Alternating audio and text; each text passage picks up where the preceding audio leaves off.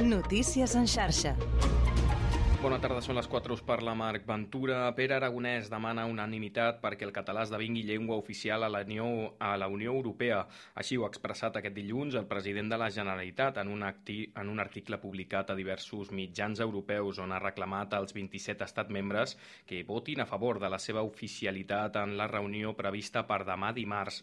Una jornada que, per cert, el català sí que passarà a ser oficial al Congrés dels Diputats, on demà es validarà el seu ús al costat de l'aranès, el basc, el gallec i el castellà.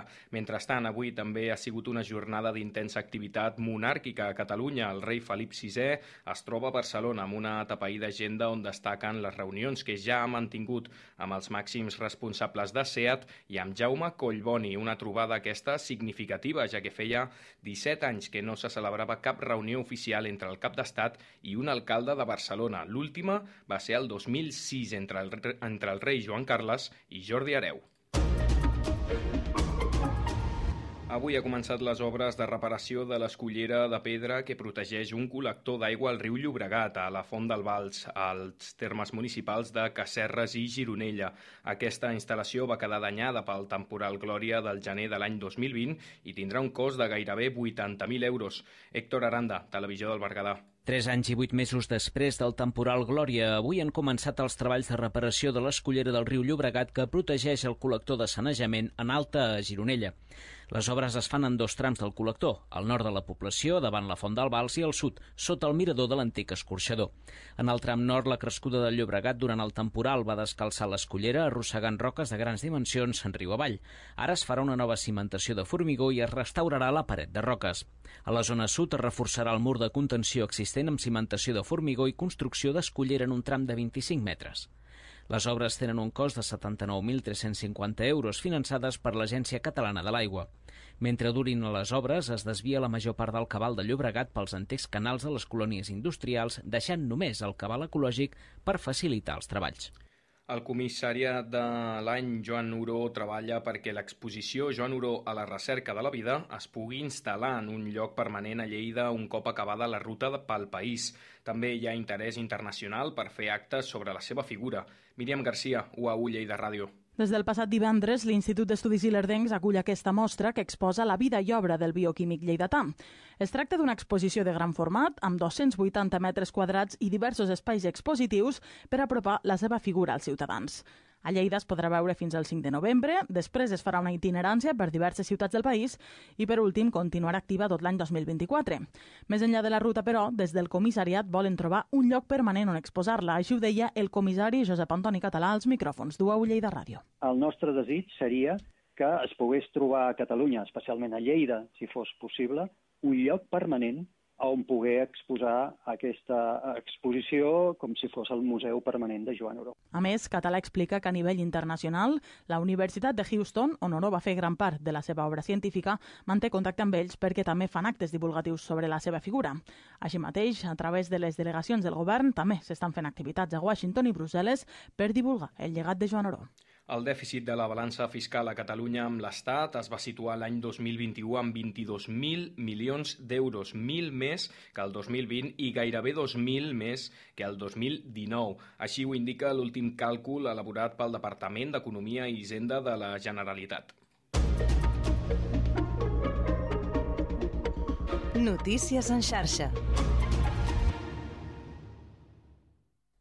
4 i 4 minuts. Comença el Connectats.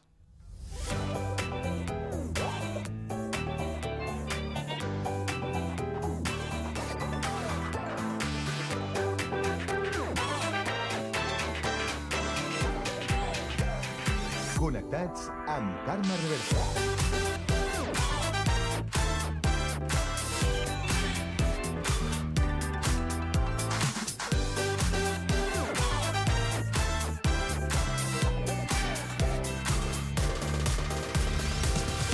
Molt bona tarda, salutacions i benvinguts un dia més al magazín de tarda de la xarxa, el Connectats de l'àrea metropolitana de Barcelona, que fem Ràdio Sant Cugat, Ràdio Sabadell, la Ràdio Municipal de Terrassa, el Prat Ràdio, Ràdio Ciutat de Badalona i Ràdio Castellà.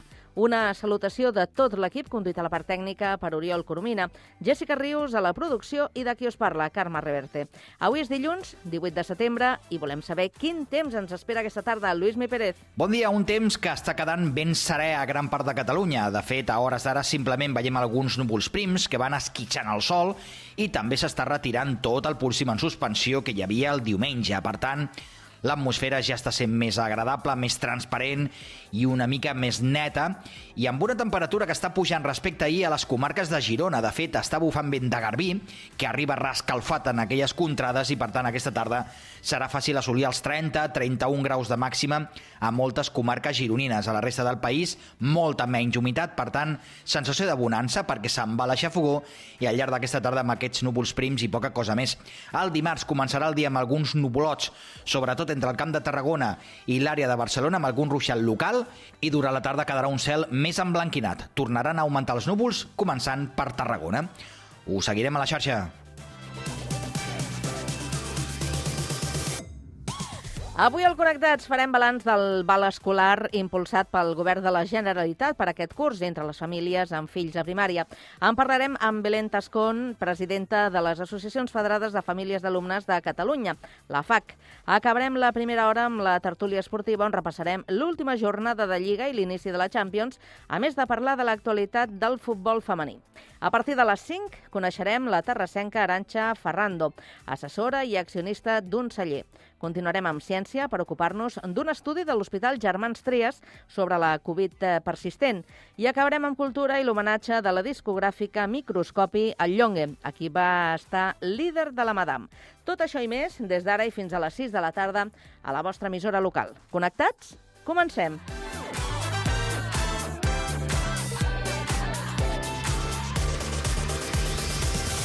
Connectats amb Carme Reverte.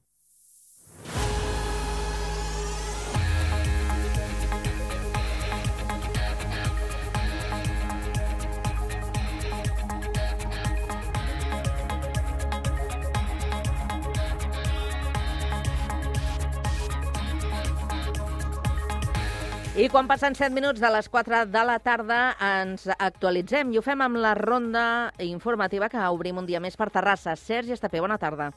Bona tarda als castellers de Terrassa han homenatjat el cap de setmana al seu fundador, l'avi Emili, amb una jornada castellera al Raval de Montserrat. Han estat acompanyats en aquesta ocasió dels xiquets de Reus, els nens del Vendrell i els castellers de Sabadell. La ja tradicional diada d'aquesta colla garenca va començar amb el Castell de Cinc que ja havien aconseguit diverses vegades al llarg de la temporada. Per a la següent ronda, els anfitrions van reservar el Castell de Set, que era el més gran que tenien previst per a la jornada. Era sòlid per a una pinya molt estable, concentrada i en silenci. Finalment van fer el 4 amb agulla. Pel que fa a les colles convidades, els nens del Vendrell van aixecar un 5 de 7, un 4 de 7 amb agulla i un 4 de 7. Per la seva banda, els xiquets de Reus, un 4 de 7, un 2 de 7 i un 3 de 7, i finalment els castellers de Sabadell van alçar un 5 de 7, un 2 de 7 i un 4 de 7. Gràcies, Sergi. Precisament a Sabadell ens n'anem de seguida. Pau Duran, bona tarda. Bona tarda. Comencen les xerrades vinculades a la Setmana Europea de la Mobilitat al Casal Pere IV. La iniciativa s'impulsa des d'Europa i ajuntaments com el de Sabadell s'hi sumen per promoure hàbits de transport més sostenibles. Al Pere IV es parlarà avui de contaminació, mobilitat sostenible o urbanisme i salut. La conferència s'anomena Entorns escolars saludables i mobilitat activa, a càrrec de la investigadora de l'IS Global Mireia Gascon, qui diu al cafè que cal un canvi de mentalitat. No és un, un canvi que es pot fer d'un dia per l'altre, sinó que és, a part de que requereix eh, canvis eh, d'infraestructura i d'organització de la ciutat, també requereix un canvi de mentalitat i de, també de reconèixer el moment en el que ens trobem, no? de, de situació de canvi climàtic, també ja no només parlem del tema del canvi climàtic, sinó també de la salut infantil, no? La contaminació afecta el desenvolupament i l'atenció dels infants. Durant el cap de setmana ja hi ha hagut activitats, sobretot centrades en els més menuts, com ara jocs i tallers. El darrer dia de la celebració serà aquest divendres dia 22, coincidint amb el Dia Mundial sense cotxes. Gràcies, Pau. Ara ens n'anem fins a Badalona. Andrea Romera, bona tarda. Bona tarda. Carme Esquerra Republicana considera que hi ha motius ideològics darrere la intenció de l'equip de govern d'aturar la instal·lació d'una escultura a la memòria de l'alcalde Frederic Xifré, afusellat pel franquisme. Segons l'Associació Cultural Frederic Xifré, el Museu de la Ciutat va comunicar a l'entitat la decisió municipal alegant que el cost del monument, que hauria d'anar a tocar de la plaça de Pompeu Fabra, és massa alt. Esquerra argumenta que l'any passat es va aprovar la quantia garantia econòmica per fer-lo i considera que amb els tràmits pràcticament a punt només motius ideològics poden haver frenat el projecte de 86.000 euros, mentre la ciutat es planteja 2 milions per la campanya de Nadal. Escoltem Àlex Montornès, president del grup municipal d'Esquerra Republicana. La partida per fer aquest uh, monument uh, d'inversions era 100.000 euros, el qual ho vam votar tots els grups municipals i en el govern on Esquerra vam participar vam aconseguir que fos de 86.000 euros, és a dir, un 14% menys d'allò que havien pressupostat. No sé si això és molt car o és poc car, però jo crec que l'alcalde Xifré es mereix que hi posem tots els recursos per recordar la seva memòria. Estan tots els tràmits fets, està tot a punt, hi ha un consens per com ha de ser el disseny d'aquest monument i, per tant, doncs, no dilatem més mm. aquesta situació per motius ideològics. En una intervenció al programa Tot es mou de TV3, l'alcalde de la ciutat ha dit que cal fer un replantejament sobre com es vol fer el reconeixement a l'alcalde Xifré.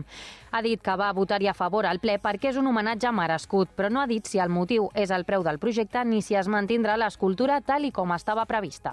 Gràcies, Andrea. I al Prat de Llobregat avui, que és notícia? Rocío Santa Eufèmia, bona tarda.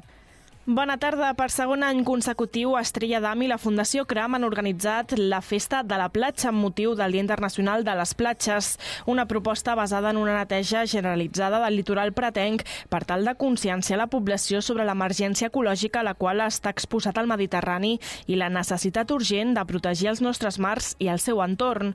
Ho expliquen la responsable de Responsabilitat Social Corporativa d'Estrella d'Am, Alba Linares, i la responsable de Comunicació i Captació del CRAM, Montse Pal. Avui hem celebrat la Festa de la Platja en motiu del Dia Internacional de les Platges, que és el 18 de setembre, per tal de reflexionar sobre la importància del que és la, la, la platja. No és només un lloc on anar a passar l'estiu, banyar-se, sinó és un lloc on hi ha vida, on hi ha un ecosistema que, que depèn del nostre bon ús i del nostre ballar d'aquesta platja. L'educació ambiental és l'eina més poderosa que tenim de transformar la societat i per tenir cura del nostre entorn. I un dia com avui, no, donar a conèixer la problemàtica que pateixen els, els animals que ingressen al cram, com que un d'ells és la contaminació marina, doncs ajuda doncs, a fer canvi de consciència i doncs, tenir millors accions doncs, per preservar el nostre entorn. La jornada ha començat amb l'alliberament de la malcarida, una tortuga babagua que va ser rescatada fa uns mesos per la Fundació CRAM i que des d'Estrella d'Am van apadrinar. Gràcies, Rocío. Abandonem el litoral i tornem al Vallès, a Castellà, concretament. Guillem Plans, bona tarda. Castellà va donar una benvinguda molt festiva a la nova estació. Va ser a través de la 21a trobada de tardor al Puig de la Creu, una de les edicions més participades que recorden. Centenars de persones van passar per la jornada lúdica que es va celebrar diumenge al matí a l'ermita que corona el cim de la muntanya. Es va notar que després de les vacances i de dies de festes majors hi havia ganes de gaudir de la naturalesa. El repic de la campana de Santa Pau del Puig de la Creu va donar la benvinguda a la trobada i els primers visitants no van trigar gens gens a començar a omplir el recinte. La festa és una oportunitat anual magnífica per poder visitar les instal·lacions i les activitats de cultura popular van enriquir la trobada amb propostes ben variades com sardanes, bastons, un concert de copla i castells. Gràcies, Guillem. I abans de tancar, un repàs de l'actualitat de Sant Cugat de la mà de Jessica Rius. Bona tarda. Bona tarda. Els robatoris amb força a l'interior de vehicles han repuntat a Sant Cugat durant el primer semestre de 2023. Després de dos anys en què aquest tipus de delicte va disminuir un 22% a la ciutat, en els primers sis mesos d'enguany s'ha produït 96 robatoris amb força a l'interior de vehicles, un 53 més, un 53% més que en el mateix període de, del 2022, segons han explicat els Mossos d'Esquadra Cugat Mèdia. Els robatoris es produeixen sobretot en aparcaments de centres comercials comercials i el modus operandi dels lladres acostuma a ser sempre el mateix, forçar el pany o rebentar un vidre per poder accedir a l'interior del vehicle. En aquest sentit, els Mossos d'Esquadra fan pedagogia i demanen a la ciutadania que no deixi objectes de valors dins el vehicle, ja que el cotxe no és una caixa forta. Els lladres busquen vehicles que des de fora es pugui apreciar algun objecte de valor, es, per, es parapeten entre els cotxes estacionats i procedeixen a cometre el delicte. Des del cos policial apunten que els pàrquings dels centres comercials són un dels espais on es produeixen més robatoris perquè els delinqüents es poden fer passar per clients. La setmana passada es va produir dos robatoris amb força a l'interior de vehicles, un al pàrquing de Sant Cugat Centre Comercial i un altre a la via pública. Aquest tipus de delicte, però, repunta encara més la setmana anterior. Es van produir fins a tres robatoris a la via pública, dos robatoris al pàrquing de Sant Cugat Centre Comercial, dos robatoris a pàrquings de restaurants i un robatori a un hipermercat.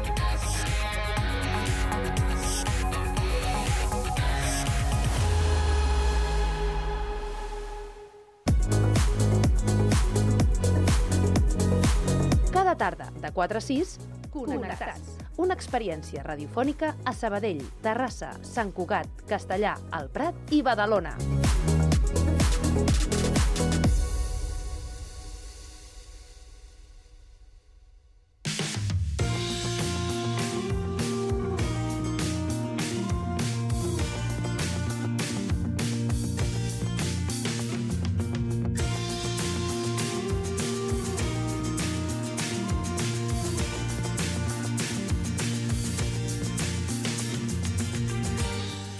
El curs escolar ja fa unes setmanes que va començar i les famílies dels alumnes entre primer i sisè de primària van disposar o han disposat d'un xec de 100 euros per gastar material escolar. A principis d'estiu, la Generalitat va començar a enviar el xec a totes les famílies que tenen alumnes de primària i que estudien a escoles públiques i concertades. Aquest xec, per eh, que primer semblava molt encertat, ha anat arrossegant problemes i queixes per part de les famílies. D'això en parlem avui al Connectats i ho fem amb la Belén Tascon, que és presidenta de la FAC. Molt bona tarda, Belén. Hola, bona tarda. Des de l'associació heu lamentat que aquest val impulsat pel govern no ha servit per pal·liar les despeses de la tornada a l'escola, principalment a l'escola pública. Eh, Explica'ns una mica quines són les raons. Doncs, bueno, com, com tenia que el govern, no?, i que lamentablement doncs, no sap, a l'escola pública fa molt de temps, no?, que precisament perquè el material escolar sigui el més uniforme possible i perquè bueno, totes les despeses aquestes siguin vinculades, doncs també doncs, hi, ha un, hi ha un concepte de socialització, doncs el que fem les famílies és pagar unes quotes, no? una quota de material escolar, una quota per sortides, i després doncs, el que seria la socialització de llibres de text, que en primària hem de dir que no tots els centres tenen llibres de text, vull dir que hi ha, hi ha diferents models, no? Eh, llavors també tenim llibres digitals o també no, o senzillament hi ha fitxes o hi ha altres materials, no? materials al millor uns sites, no? en, en webs, etc no? que, que s'utilitza, que, que no és només llibres de text. ¿vale? Eh, què passa? Doncs que aquestes, el, el val escolar està pensat perquè les famílies tinguin, aquest, tinguin aquests diners i els, i els gastin en material o llibres en, una, en un comerç. És a dir, eh, una, un comerç de material d'oficina o de material de, de escolar. Eh, però, clar, les famílies de l'escola pública no ens diuen eh, el vostre fill ha de portar eh, quatre llibretes, tres cartesans, quatre cartolines i tres rotuladors, sinó que paguem aquesta quota. Aquesta quota qui es paga? Es paga el compte corrent del, del centre educatiu.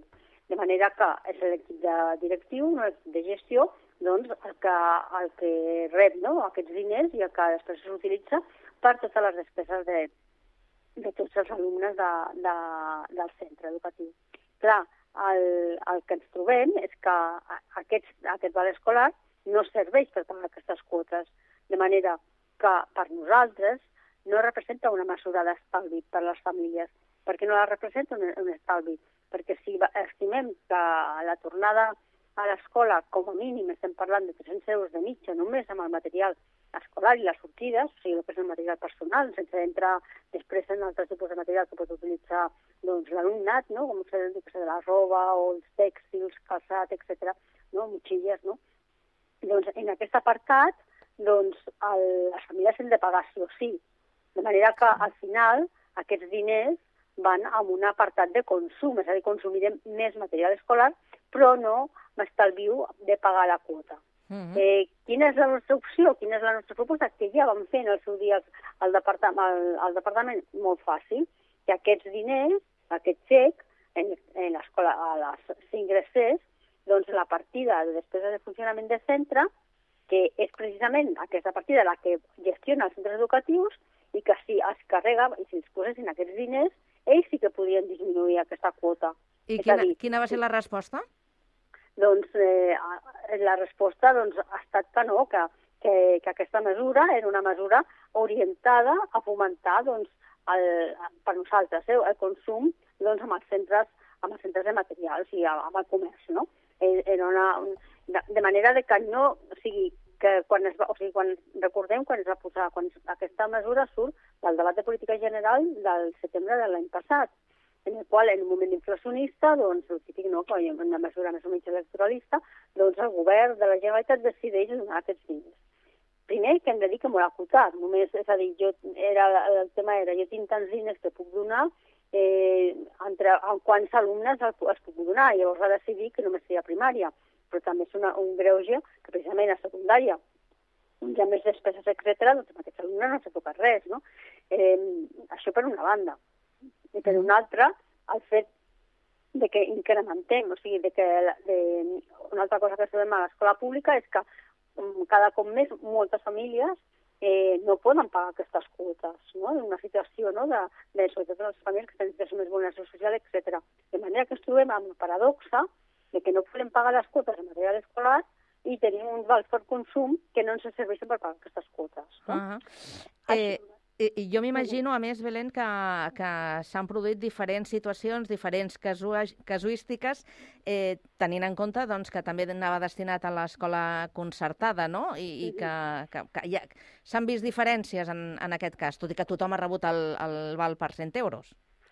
Bueno, és una mesura com que nosaltres entenem doncs, que és una, aquestes mesures que són universals, que al final acaben sent regressives, no? perquè hi ha persones, hi ha, eh, hi ha moltes famílies doncs, que potser poden gastar aquest material en, en objectes de consum, no? que, que a més a més, diguéssim, no? que no són necessaris, en canvi, altres persones doncs, que, que per ells això sí que és una necessitat de, ca, de cada any. No? O sigui que al final hi ha un punt de regressivitat quan fem aquestes mesures que siguin de forma universal, no? perquè entenem que, que, que en la situació econòmica de les famílies no és el mateix. A tothom no li afecta igual la inflació, eh, encara que, que, que ens afecti a tots. No?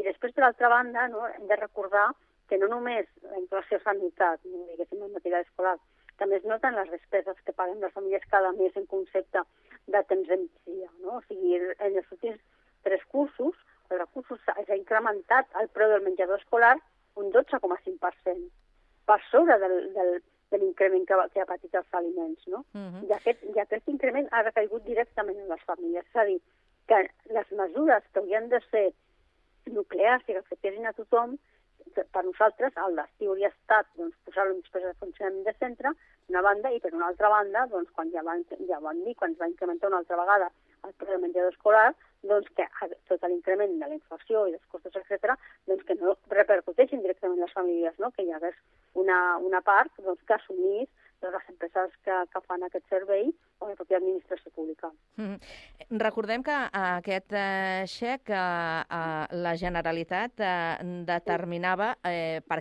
per quin, quin ús se li havia de donar i mm -hmm. també va determinar els establiments on es podien bescanviar. Mm -hmm. Per tant, està, està molt acotat, està molt, molt limitat, i d'aquí les dificultats no?, que ara ens estaves eh, comentant. Bueno, clar, o sigui, la Generalitat va establir quins, eh, quins, eh, quins IAES, vale? quins, quins còdics de l'IA, l'impost d'activitats econòmiques, doncs es podia canviar aquest, uh, aquest xec. Què passa? Que, la, o sigui, nosaltres, ja, com ja li he dit, l'escola pública paga les quotes de material escolar, les quotes de sortides, mm. al centre educatiu, al compte corrent del centre educatiu. El centre educatiu no té un IAE de cap tipus de comerç i ho gestiona directament el centre educatiu, és a dir, fins i tot, o sigui, és a dir, les direccions de la pròpia administració, no? Llavors és paradoxal que el govern de la Generalitat no hagi tingut en compte el propi funcionament de la seva escola pública. Ja. en la qual, no, ja l'he dit, ja fa molts anys que precisament doncs, per evitar aquestes diferenciacions no? i aquestes desigualtats entre l'alumnat es va optar per socialitzar. Que això té un avantatge, com li deia abans, que si hi ha famílies que no, perquè sí, no poden assumir les quotes, entre totes, doncs, bueno, socialitzem aquesta despesa perquè el centre educatiu pugui tirar endavant. Uh -huh. Que ens trobem ara que, que cada vegada hi ha més centres educatius en els quals cada dia estan determinades, determinades eh, entre situacions no? per, la, per, la, per, per el seu entorn socioeconòmic que hi ha més famílies que no poden pagar aquestes quotes, que cada cop són més elevades per altra banda, perquè evidentment tot ha incrementat, no? Doncs, bueno, doncs aquí aquests centres tenen problemes. Quan el fàcil hagués estat imputar tota aquesta quantitat amb aquesta partida. Eh, Belén, eh, escoltem ara la valoració que hem recollit del secretari tècnic del Gremi de, de Llibreters, eh, fent una valoració de, de, d'aquest, eh, de l'ús d'aquest xec eh, eh, escolar amb Maria Marín i després ho comentem. nosaltres doncs, podem explicar l'impacte que està tenint en, en llibreries. La, la iniciativa és bona, ha portat famílies a les llibreries, com que el val serveix per moltes coses, des de material, calculadors, motxilles, a llibres, doncs és, és molt varietat i ha fet amb molts més comerços. No? El, fem una lectura positiva, el gruix dels vals segurament mai s'havia fet mai abans i per tant no tenim referents. Eh? Mm, Era abans d'acabar el curs, però encara ara hi ha cues i els impactes són, són bons, però serà millor que acabi la, la campanya per poder fer una valoració amb rigor. Aquest treball conjunt entre administració, en el nostre cas els, el, el Gremi de Llibreters de Catalunya i, i les cambres va ser perfecte i impecable. Però també això és el punt de crítica que, que formalment ho vam enviar tant a Educació com al Consell, és que si quan vam preveure la, la campanya haguéssim parlat amb els comerços i els sectors afectats, doncs hauríem previst bona part dels problemes que van tenir, perquè hi havia problemes tècnics, de procediment, els TPBs bancaris, els codis alguns no funcionaven, s'havien d'adaptar, etc. No? És a dir, si quan una administració preveu una campanya i, i l'intermediari seran els que venen motxilles, robes, etc. i les llibreries, si ho haguéssim treballat conjuntament, hauríem estat molt més eficients. Llavors, aquest punt d'avantatge de que hem treballat molt bé també és aquesta crítica. I també, i, ho, i ho hem dit públicament, el fet que les escoles o les associacions de pares i mares puguin intervenir és complicat perquè al final venien productes sense tenir una llicència i això crea una cascada d'inconvenients, no? que, que hem, hem fet una comissió de seguiment i s'ha reconduït. El que sí notem és que aquelles famílies que tenen dificultats i el val els va molt bé, van allò que és més car, que a vegades és el material escolar que no és el llibre. De fet, s'ha anunciat públicament que la voldrien mantenir i nosaltres, quan no sabíem que es volia mantenir, formalment demanar és fer una valoració conjunta, administració i tots els comerços afectats, també les llibreries, de com ha anat territorialment els establiments, en, en quins productes, perquè també té altres necessitats, i un cop feta la valoració, si decidissin, que sembla ser que sí, fer-ho un altre any, doncs treballar-ho conjuntament. Bé, doncs eh, aquesta és la valoració del secretari tècnic del Gremi de Llibreters, en Maria Marín, al respecte a unes quantes eh, preguntes. Eh, què, què destacaries? Tens alguna qüestió que vulguis comentar, Belén? Bueno, sí, m'agradaria destacar que precisament la seva valoració és positiva, quan no podria ser, perquè precisament aquesta mesura és per al comerç, no és per a les famílies. És a dir, aquesta mesura no suposa que aquelles despeses ineludibles en les quals una família de l'escola pública ha de pagar sí o sí, que són aquestes quotes no, de material escolar, les quotes de sortides, no suposa cap estalvi per a aquesta família. En canvi, és una, és una, una bona mesura per al comerç, però no és una, una mesura per a les famílies. Llavors, doncs, si hagués estat una mesura per a les famílies, ens haguessin estalviat doncs, despeses per la tornada als, als centres educatius, però no ens han estalviat. Llavors, jo crec que la reflexió no va tant si el funcionament és millor o pitjor, si, poden, si només lo acotem per nosaltres o deixem d'intervenir un altre més, com sempre, no? que, que, que fan tots els gremis, no? d'intentar, no? eh, d'alguna manera, doncs, que sempre no? només siguin les que, estan a, les que pertanyen a aquest gremi que pugui fer, aquest no és el problema. El problema és aquí, aquí volem que, que estalviï despeses a, a tornar de l'escola al setembre. Mm. Que sigui una, una, un estalvi de despeses per a les famílies o que sigui un increment d'ingressos per als comerços del RAM. Eh, en Marià Marina ens confirmava que és molt possible que el curs vinent es continuï eh, eh, donant aquest xec. Vosaltres teniu confirmació per part de, Nosaltres. del govern? No, no, nosaltres no tenim cap informació al respecte.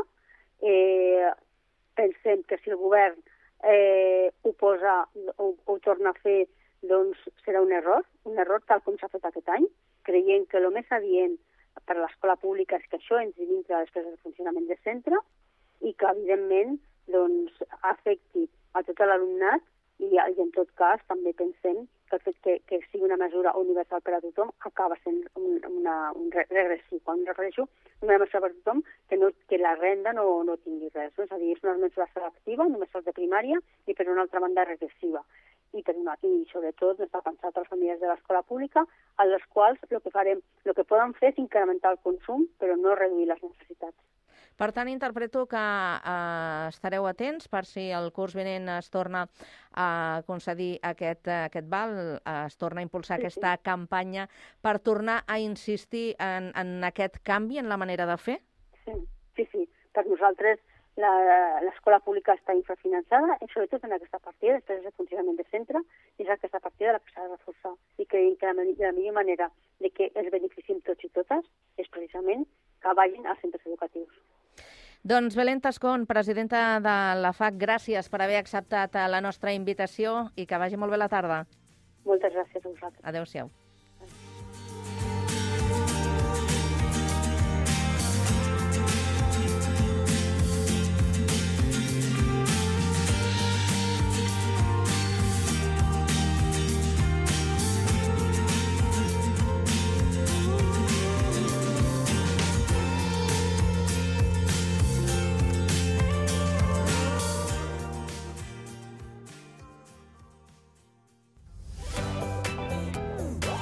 Connectats, una experiència radiofònica a Sabadell. Ràdio Sabadell, 94.6. Terrassa. Ràdio Municipal de Terrassa, 95.2. Sant Cugat. Ràdio Sant Cugat, 91.5. El Prat. El Prat Ràdio, 91.6. Castellà. Ràdio Castellà, 90.1. I Badalona. Ràdio Ciutat de Badalona, 94.4. Cada tarda de 4 a 6, connectats.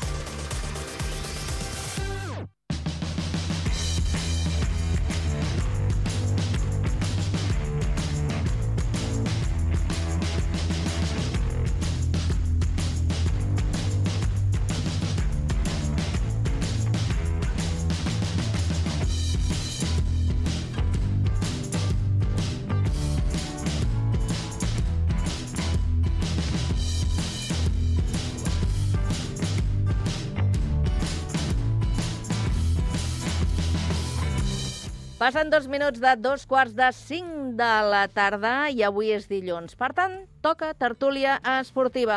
Avui la fem en companyia del Quirze Casablanques. El tenim als estudis de Ràdio Sabadell. Quirze, bona tarda. Bona tarda, companyia. Bona Com tarda. esteu?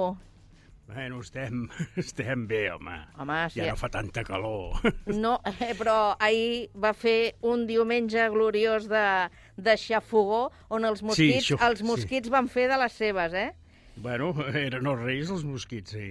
Déu-n'hi-do, déu nhi déu Bé, doncs disposat, no?, a parlar de, de futbol, a parlar de, de la Lliga, de la A Champions... parlar del que vulguis, del- a parlar del que vulguis. Molt bé, em sembla perfecte. Anem a Terrassa. Miqui Romagosa, periodista de la Ràdio Municipal de Terrassa. Què tal? Bona tarda. Què tal? Bona i tardes de xafogó, 29 graus. Avui també, avui també. Jo és que fa una estona que no... La temperatura exterior no, no, no la tinc controlada. Doncs has d'agafar el paraigües, però perquè no et doni el sol, eh? Vaja. Ara el paraigües l'utilitzem pel sol, no per l'aigua. Vaja. En canvi, l'utilitat. Molt bé, doncs completem aquest eh, triangle d'avui amb el César eh, Martínez, periodista, el tenim a l'estudi de Sant Cugat. César, què tal? Molt bé. Jo la calor tampoc l'he notat encara, perquè com estem tancats aquí a la redacció, s'està fresquet. S'està bé, no? Sí. S'està bé. Mira que bé. Per cert, eh, tenim pendent a la Jessica Rius, la nostra productora, perquè justament a aquesta hora se suposa que estan eh, presentant i han de donar la llista de les eh, jugadores convocades amb la selecció espanyola en qualsevol moment, si hi ha novetats, eh, i ens les fas, eh, eh, vens i les anuncies, i així sabrem una mica quina és la, la situació. Si us sembla, eh, senyors, comencem parlant de la situació del futbol eh, femení, que al final mm, van aconseguir arribar a un acord en les negociacions eh, per aquest eh, conveni de la Lliga Femenina, de les professionals de, del futbol, si em permeteu que, que, que ho digui així, i, per tant, hi va haver jornada aquest cap de, de setmana. Eh, jo no sé si esteu al cas de les, de les condicions d'aquest eh, conveni, de l'acord al qual es va arribar, i, i què us sembla? El César em mira amb una cara com dient, què, què, què passa? Jo també et miro amb la cara, eh? Què passa? Vinga, quina cara fas tu? Quirze. Jo, a, a veure, a, a mi em dóna la impressió que és un conveni de mínims descarat. Eh, Home. No sé en quin punt han, han, deixat, han deixat caure aquests 2.000 euros que falta fins als 23 que demanaven. Això és Que a mi xavalla, em eh? sembla que... Eh? Que, que això és xavalla, vull dir que... Sí, per això, per això que a mi ja, ja em semblava que demanaven poc, ostres, tu, pobres nanes, no, no, no és així, això. A veure si fan la feina i la fan ben feta, eh, bueno, perquè, perquè hi ha d'haver-hi aquella diferència, o aquesta diferència. De, fe, jo, eh, de entre- fet, era en el, en el sou base on hi havia el principal entrebanc per no arribar a, a l'acord i al final el punt de trobada va ser els 21.000 euros.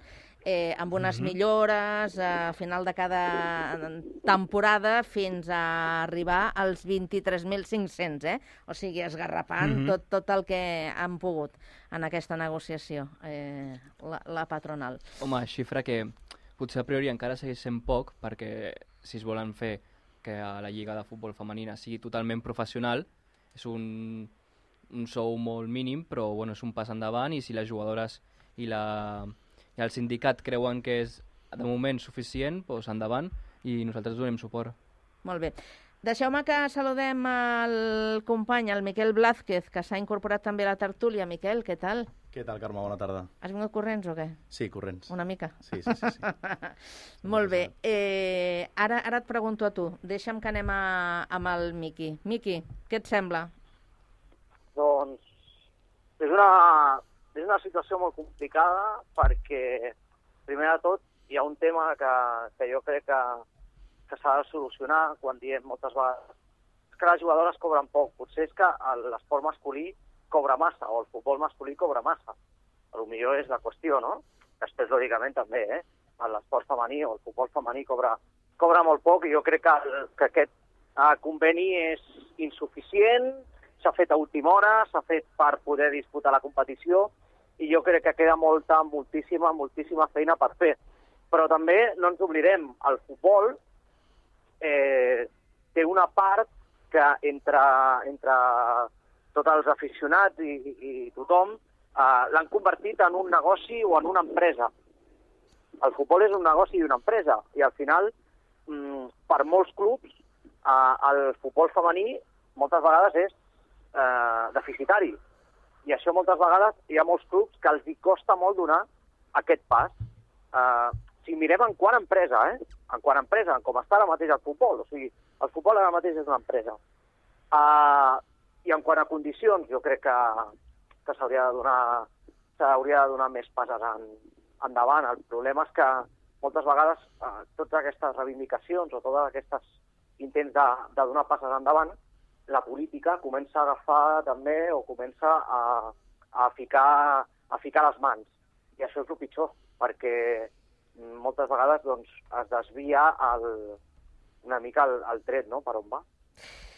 Bé, diríem que és un, un primer pas, una primera pedra que es col·loca perquè a partir d'ara doncs, la situació vagi eh, millorant. Eh, quina és la teva visió de, de, de la situació actual i del punt al que d'aquest acord al qual s'ha arribat, Miquel? Sí, és que jo tinc la, una mica la sensació que, personalment, eh, que, que s'intenta arribar a un punt d'igualtat entre el futbol masculí i el femení i partint de la base que ja no hi ha igualtat. És a dir, que l'esport és un esport totalment diferent al que practiquen els, els homes, al que practiquen les dones per un tema físic, pel que, pel que vulgueu.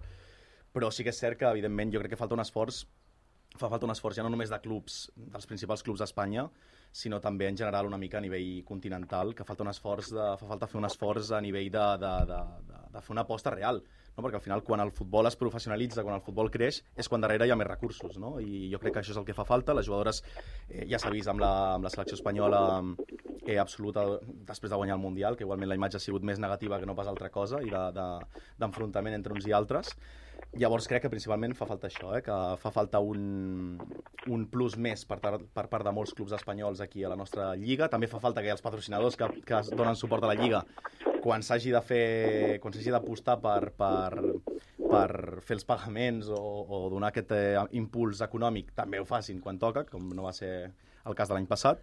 I res, en general una mica això, eh? que sí que fa falta fer un plus, però en tots els sentits i partint d'aquesta desigualtat que és evident que és existent. Clar, és que penseu que la discussió estava en el salari anual eh, que anava de 3.000 euros. Estaven discutint per 3.000 euros, que ja m'explicaràs tu.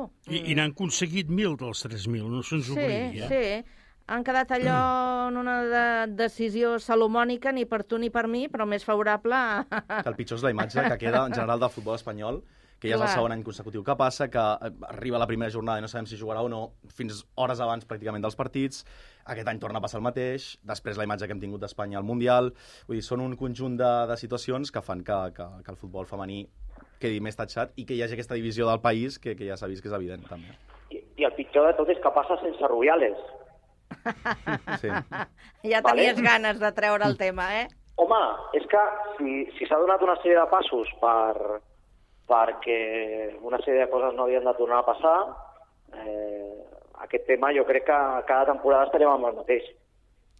Sí, Cada sí, sí, sí, sí. L'any que ve passarà el mateix. Val. I, I ara que parlàveu de, de l'expresident de la Federació Espanyola, ja s'han fet referència a la consecució del campionat eh, de, del món i el que han aconseguit eh, totes aquestes eh, jugadores. Eh, què, què us sembla eh, aquest estira i arronsa que hi ha ara entre les eh, jugadores i l'estament federatiu?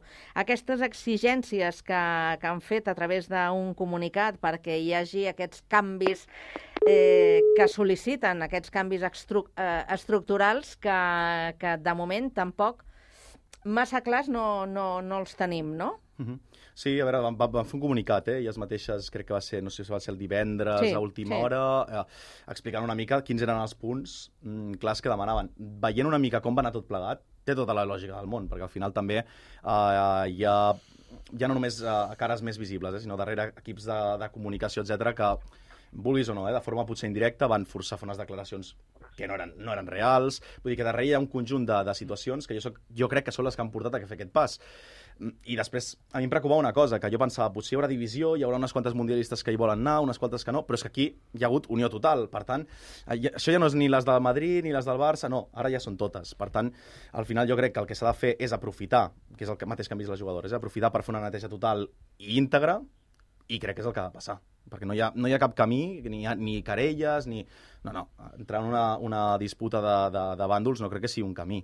Crec que el camí ara és la neteja i, i, i partir amb les jugadores mundialistes i amb un equip federatiu totalment, totalment nou.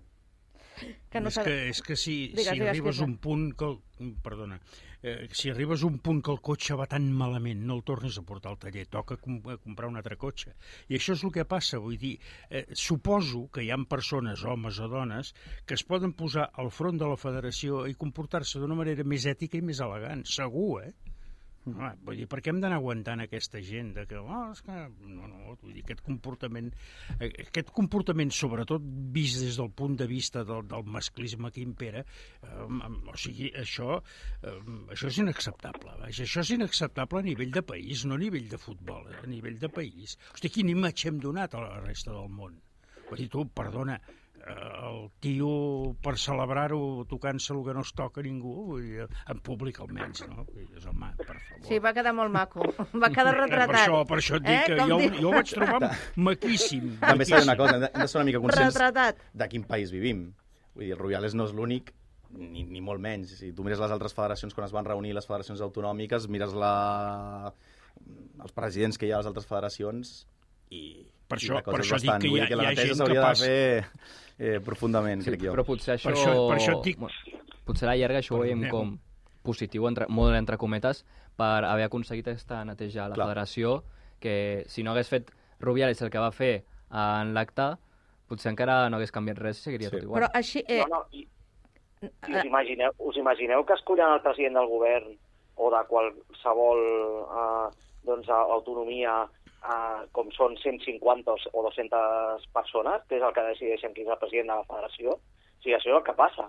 En lloc de decidir-ho tot al futbol, us imagineu que només ho decideixin unes persones concretes? Doncs clar, tot això el que fa és que, que tots aquests, eh, totes aquestes eh, reunions eh, i tots aquests eh, mm, eh, comitès i, i, i tal, tots estan al final eh, pràcticament portats per la mateixa, per la mateixa persona o el mateix aire, sí, sí. Jo us pregunto si enteneu eh, que, que, que facin ús d'aquesta posició de força que ara mateix tenen les jugadores per, per intentar eh, arribar més lluny en tot aquest tema. Ho enteneu? Sí, sí, totalment. Potser en el futbol no ho havíem vist, però en altres esports ja s'ha donat. En el bàsquet passa a la NBA cada cert temps i en altres no tant del món de l'esport succeeix constantment i jo crec que, sobretot en el punt en que ha estat guanyat el Mundial, tenen tot el dret de fer el que estan demanant. Sí, sí, i al final arriba un moment també que, que el temps ho acaba curant pràcticament tot i el futbol és, un, és molt a curt termini i podria passar que això d'aquí cinc mesos, mm, que no crec que sigui el cas perquè és un, un fet més, més eh, extraordinari, eh? però podria passar el cas que, o podria donar-se el cas que ja no, ningú se n'en recordés o no li donéssim el valor que se li ha de donar. Per tant, jo crec que també, ara tenint en compte com està la situació, també tenen una posició de força perquè han guanyat el Mundial, el país ho ha vist, i jo crec que és ara el moment per aprofitar i fer aquest canvi mm, o aquesta renovació total que demanen les jugadores i que ja no només ens vindrà bé pel, pel futbol femení, sinó per una mica el futbol en general espanyol, que també s'ha de veure com han anat els últims anys amb el futbol masculí, temes Luis Enrique, eh, Luis de la Fuente, etc etc que, que segurament també farà falta tocar. Quan has dit aquest nom, eh, m'ha vingut a, al cap la imatge d'aquella assemblea de la federació, eh, amb tota aquella prepotència del senyor Rubiales i aquella imatge No d'en Bilda, Bilda i del seleccionador de l'equip masculí que Sí. Esgarrifa. El pitjor també, alguns comunicats després, com dient, mira, ho vam Tela. fer, ho vam fer perquè estàvem en xoc i... Estàvem i en xoc, Això van sí. dir, que no hi havia Sí, altra o sigui, o alternativa. sigui, cagats de por, no? Eh, O sigui, de, xo, de xoc res, cagats de por, de que em fotran al carrer en comptes de prometre I no cobrarem. 500.000 euros. Home, per favor, tu, per favor. Però perquè, mi- perquè, però perquè, perquè veieu una mica com, com és també, hi ha, hi ha coses que també no, no, no s'han uh, mesurat de la mateixa manera. Uh, L'actual seleccionadora, Montse Tomé, uh, també aplaudia, també estava Però aplaudint. també s'ha dit això. Segur? Sí, Sí, aplaudia? El que passa És que mà- aquí... bueno, era la mà dreta del Bilda. Però qui l'ha posat? Clar, és que al final també, i, i el president Sí. interí de la federació, si és que és Rubiales 2.0, realment. És tot de la mateixa O corda. és que s'ha el que... perdut l'imatge, o, però, o, però hi havia algú que no aplaudís? Però O és que s'ha perdut l'imatge? Jo el que no Sí, vaig entendre, el- permeteu una cosa, sub-21. eh? El que em va deixar fora de joc és la presència de les filles del senyor Rubiales allà. Què pintaven a l'assemblea de la Per federació? fer una imatge una mica més tendra, com no? el seu De- pare és tan elegant de cara, bueno, des de la llotja... De, bueno, Va, correremos un tupido velo i li preguntarem a, la, a la Jessica. Eh, la Montse Tomé ha estat presentada finalment com a seleccionadora?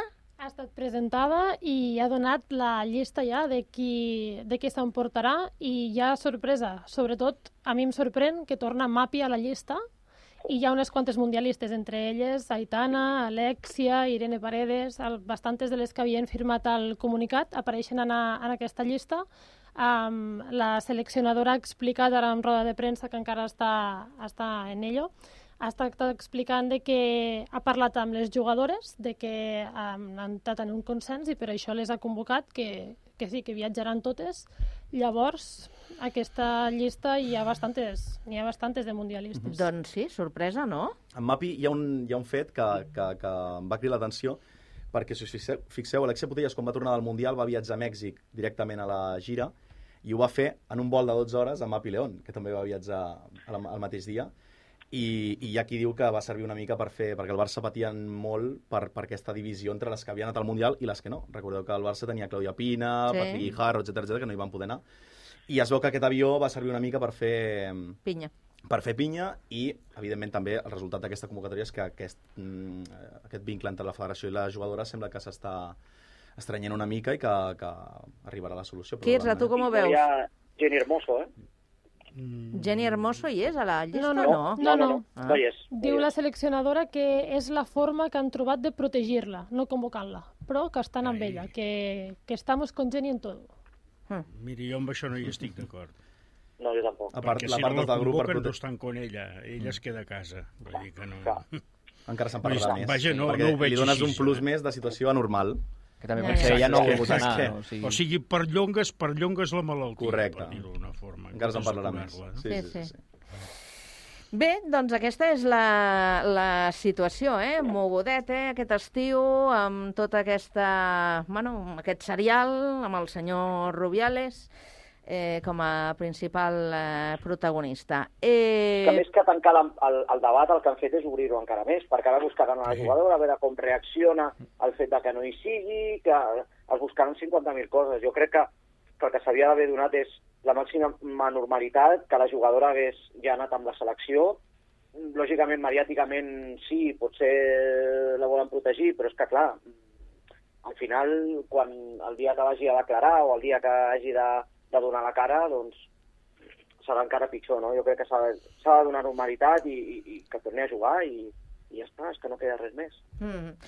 Bé, eh, deixem el capítol futbol eh, femení, si us sembla. Jo no sé si hi haurà alguna novetat, si hi ha alguna novetat eh, Cada més, jo sé. Alguna que caigui de la llista ara mateix, no sé si... El, el, el que sap greu, el que sap greu és que hi ha novetats Sí. sempre a nivell extraesportiu. Extra... Jo, Sí. jo tinc la, un dubte. Si, si Espanya hagués guanyat el Mundial i no hagués passat tot el que ha passat, se n'hauria parlat tant d'aquest. Mundial durant tantes i tantes setmanes. És el que fa més trist al final tot plegat, que és que del futbol se n'ha analitzat ben poc. Ja, Hi ha molta gent que ha estat opinant d'aquest d'aquest Mundial, de la situació, que no sap dir ni 10 jugadores de la selecció espanyola que han guanyat el Mundial. dos, ni dos. Sí, sí. I això és el Ni que a mi em preocupa més, que, que, que se n'ha parlat, però pel tema extraesportiu. Però és trist, però si vas al masculí també està passant el mateix. A la roda de premsa de presentació de Luis de la Fuente, Ja. 5 de cada 7 preguntes eren sobre Sergio Ramos, un jugador que portava molt de temps sense anar convocat. O sigui, també es parlava més coses extradeportives que del que realment importava. De Wally, on està? On, on, on es troba Wally? Per cert, eh, Barça, tenim, tenim, tenim equip? Sí. Eh, pa- no, però, eh, eh, espereu, no tirem coets. És la Pregunta-ho als aficionats del Betis, que jo no en sóc d'aficionat del No, Betis. però saps què passa? Que avui ja he sentit algunes veus així una mica més crítiques com dient, a veure, tampoc no us passeu de la ratlla perquè voleu posar el llistó massa alt com si... i després la davallada serà més, És més forta. només hi ha una diferència, Mira, Carme, només hi ha una Us, diferència. us pregunto, veieu un canvi en el nivell qualitatiu de l'equip respecte de la temporada passada? Aquesta és la diferència. És que aquesta és la diferència. Per noms del Barça, Sí. Ha de guanyar tots els partits d'aquesta lliga. Menys contra el Madrid, contra l'Atlético de Madrid, contra equips que potser et poden complicar una mica més les coses, que tampoc, per noms, tu agafes... És que només agafes la llista de convocats d'aquest any i de l'any passat, i és que no, no, no, hi ha, no hi ha color. Vull dir, per noms, realment... Mira, lateral dret que, que anaves coix, portes el millor lateral, lateral dret del món, probablement. Extrema esquerra, no, és que no juguem amb el 4-4-2 aquest amb el quadrat, juguem, no jugarem amb dos extrems perquè ens falta un extrem esquerra de, quali de qualitat i que hi confiem. Tens Joao Fèlix. Vull dir que per noms la diferència és qualitativa. De joc després no hi ha tanta diferència, si ens hi fixem, perquè el Barça de Xavi ja ho ha dit, amb uns jugadors o altres planteja un esquema molt semblant, amb el quadrat aquest famós, etc. però la diferència està amb, amb que les, els noms són infinitament millors. Quirze, com ho veus? Eh, jo, jo veig que, que el Xavi en aquest moment per cobrir, eh, o sigui, deixem estar els noms, o sigui, per, per cobrir cada lloc del, de l'organigrama de joc, Sí. té una persona que és capaç de fer-ho. Vull dir que llavors a partir d'aquí, més nom o menys nom, pensa que a més a més té gent que necessiten fer carrera des d'ara, eh? Vull dir que, bueno, tot plegat comença, vull dir, tenim gent jove, no sé, jo, em, em dóna la impressió que equip, si els jugadors volen jugar, n'hi ha. I ara, aquí, falta veure, falta veure com, com portaran aquest joc, les ganes que n'hi hauran, no sé, vull dir... I, no sé, i, és que i, m'està donant la impre- Sí, digues, digues. que no m'explico, no? No, sí, però jo, mira, jo afegiré el que tu comentes, que posem un Siri perquè no es lesionin eh, Ah, no, jugadors. això sempre, perquè això si no sempre. eh, haurem de sortir corrents a buscar el primer que trobem, eh? A la cantonada, Mhm, mhm. Que anem Sí, sí. curtets. Però aquest any la plantilla és potser no és molt més àmplia, però qualitativament és que contra el Betis no eren ni titulars ni Pedri, que estava lesionat, ni Gundogan. Ni Araujo. Clar, jo crec que aquí també el Barça aquest any haurà de fer una gestió, i Xavi especialment, al mig del camp. Perquè si finalment juguem amb aquest mm, 3 al mig del camp, clar, hi haurà jugadors que quan torni Pedri, aquí, aquí seuràs. Oriol Romeu i Frenkie passa el pivot, o saps què vull dir? Que al final, al mig del camp aquest any hi ha noms molt més... Mm. que no són tan titulars. Miqui, des de Terrassa, com ho veus? Ho dic perquè a la banqueta teniu el, el senyor Hernández. Mm. Com ho veieu? De nom, de nom Xavi i de segon cognom Creus. Molt doncs, um, no, era una dada, una dada a portar. Um, no, el, que, el que comentàvem, no? Jo crec que la setmana decisiva per saber el nivell del Barça és, el, és la Champions. La Champions, que és l'assignatura pendent de Xavi. Sí. Mm. En el moment que, que el Barça doncs, comenci a afrontar la Champions, jo crec que veurem realment on està l'equip. Jo crec que és massa aviat i, i jo crec que en el moment que l'equip de Xavi doni un pas a la competició europea, doncs realment reconeixerem que, que s'ha donat aquest pas. César? Sí, sí, compro totalment el relat del Miqui perquè a la Lliga ja l'any passat ja el Barça de Xavi ja va demostrar que podia guanyar, malgrat alguns partits es fessin de 1 a 0 així una mica lletjos. Però l'important, que no s'ha de guanyar, però l'important s'ha de competir molt bé aquest any, és a la Champions i ja demà mateix contra l'Amberes serà una primer, primera prova de foc contra un equip a priori més fluix, però per veure si realment aquests jugadors ja comencen a marcar la diferència i sobretot a nivell perquè el Barça pugui tornar a competir a Europa d'aquí uns anys. Jo O sigui, aquesta vegada tenim un grup de, de que és paretes, que dir, de, que, de que, paretes que en sembla que demà, ja, dolçis. demà si guanya el Barça 7-0 ja guanyarà la Champions. Clar, sí, però tampoc. I fa uns anys... Sí, però... Sí, però vinga. Jo dic sí, però perquè és que penso una cosa. Aquesta gent han guanyat la Lliga del seu país després de 60 anys.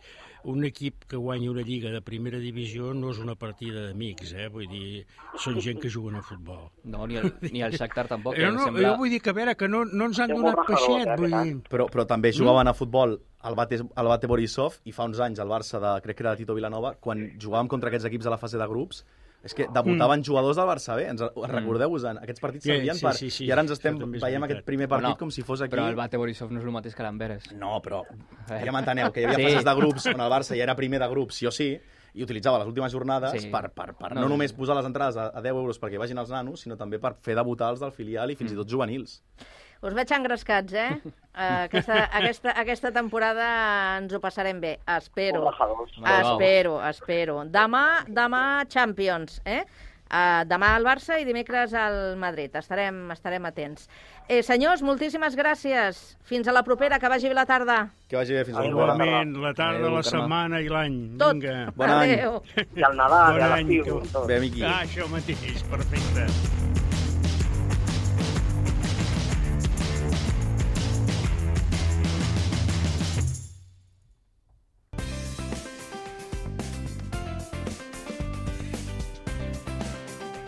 Ràdio Sant Cugat, Cugat Mèdia, 91.5 FM.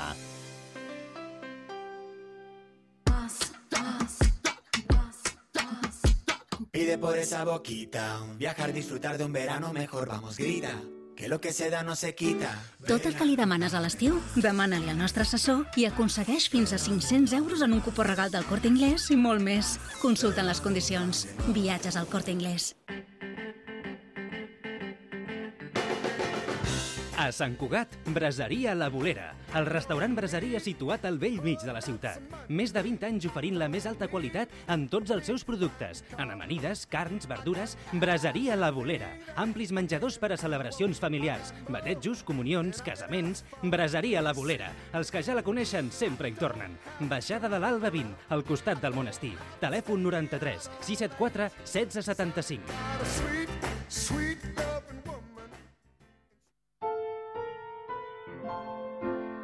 L'Associació Amants del Teatre i Ràdio Sant Cugat Cugat Mèdia t'apropen grans obres de la literatura a través de la oïda. Doncs aquesta té un cert tràfic... Vet aquí, ja volia dir jo. És una bogeria, una barbaritat. Et diré el meu nom a l'orella, escolta. Oh! La vídua es posa ràpidament al llit. Radioteatre amb obres de Jean Cocteau, Martí Boada, Robert Robert, Mercè Rodoreda, Pere Caldés o Anton Chekhov. Al 91.5 FM i a www.cugat.cat.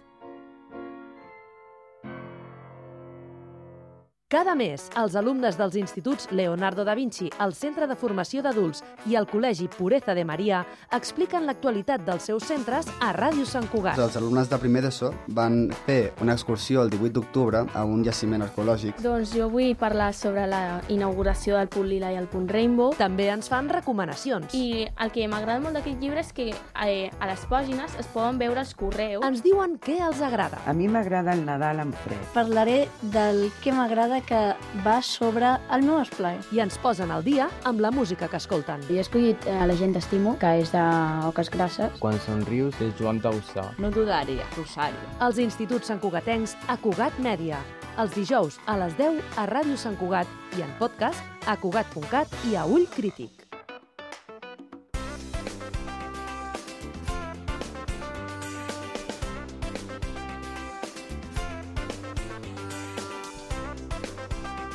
Ràdio Sant Cugat.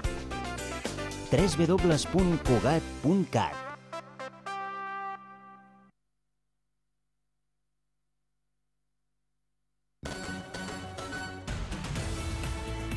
Ràdio Sant Cugat.